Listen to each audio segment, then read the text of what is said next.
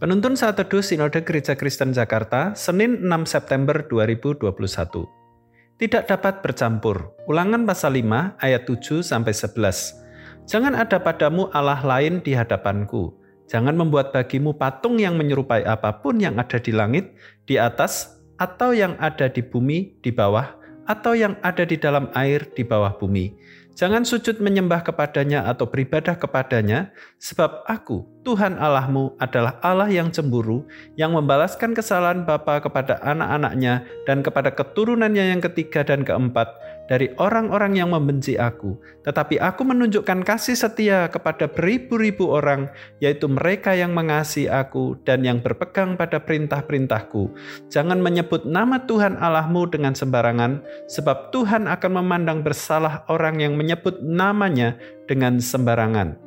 Yohanes pasal 17 ayat yang ketiga, inilah hidup yang kekal itu, yaitu bahwa mereka mengenal engkau, satu-satunya Allah yang benar, dan mengenal Yesus Kristus yang telah engkau utus. Salah satu kesempatan untuk memberitakan Injil adalah dalam ibadah kedukaan. Kondisi seseorang terbuka dengan perenungan bagi hidupnya dan menyadari betapa terbatasnya kesempatan untuk hidup dalam dunia ini. Kondisi ini membuka kesempatan untuk mendengarkan Injil keselamatan. Tetapi, saya menemukan tidak sedikit orang yang mengaku Kristen justru terlibat dan bahkan menganjurkan saudara-saudara atau kerabatnya untuk mengikuti berbagai tahayul dan kepercayaan yang tidak berasal dari ajaran Kristen.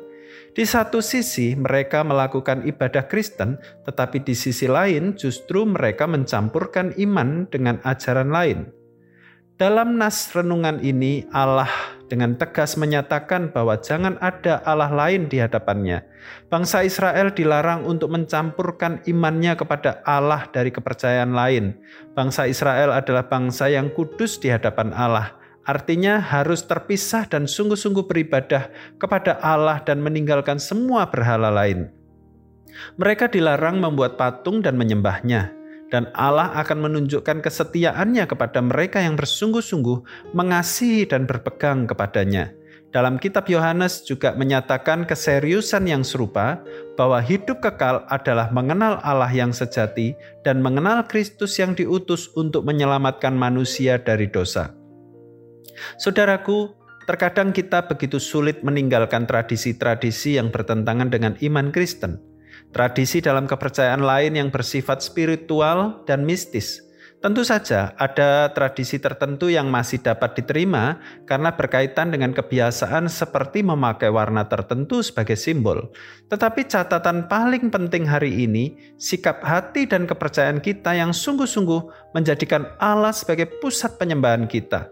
Allah dan firman-Nya adalah satu-satunya kepercayaan dan pegangan hidup kita.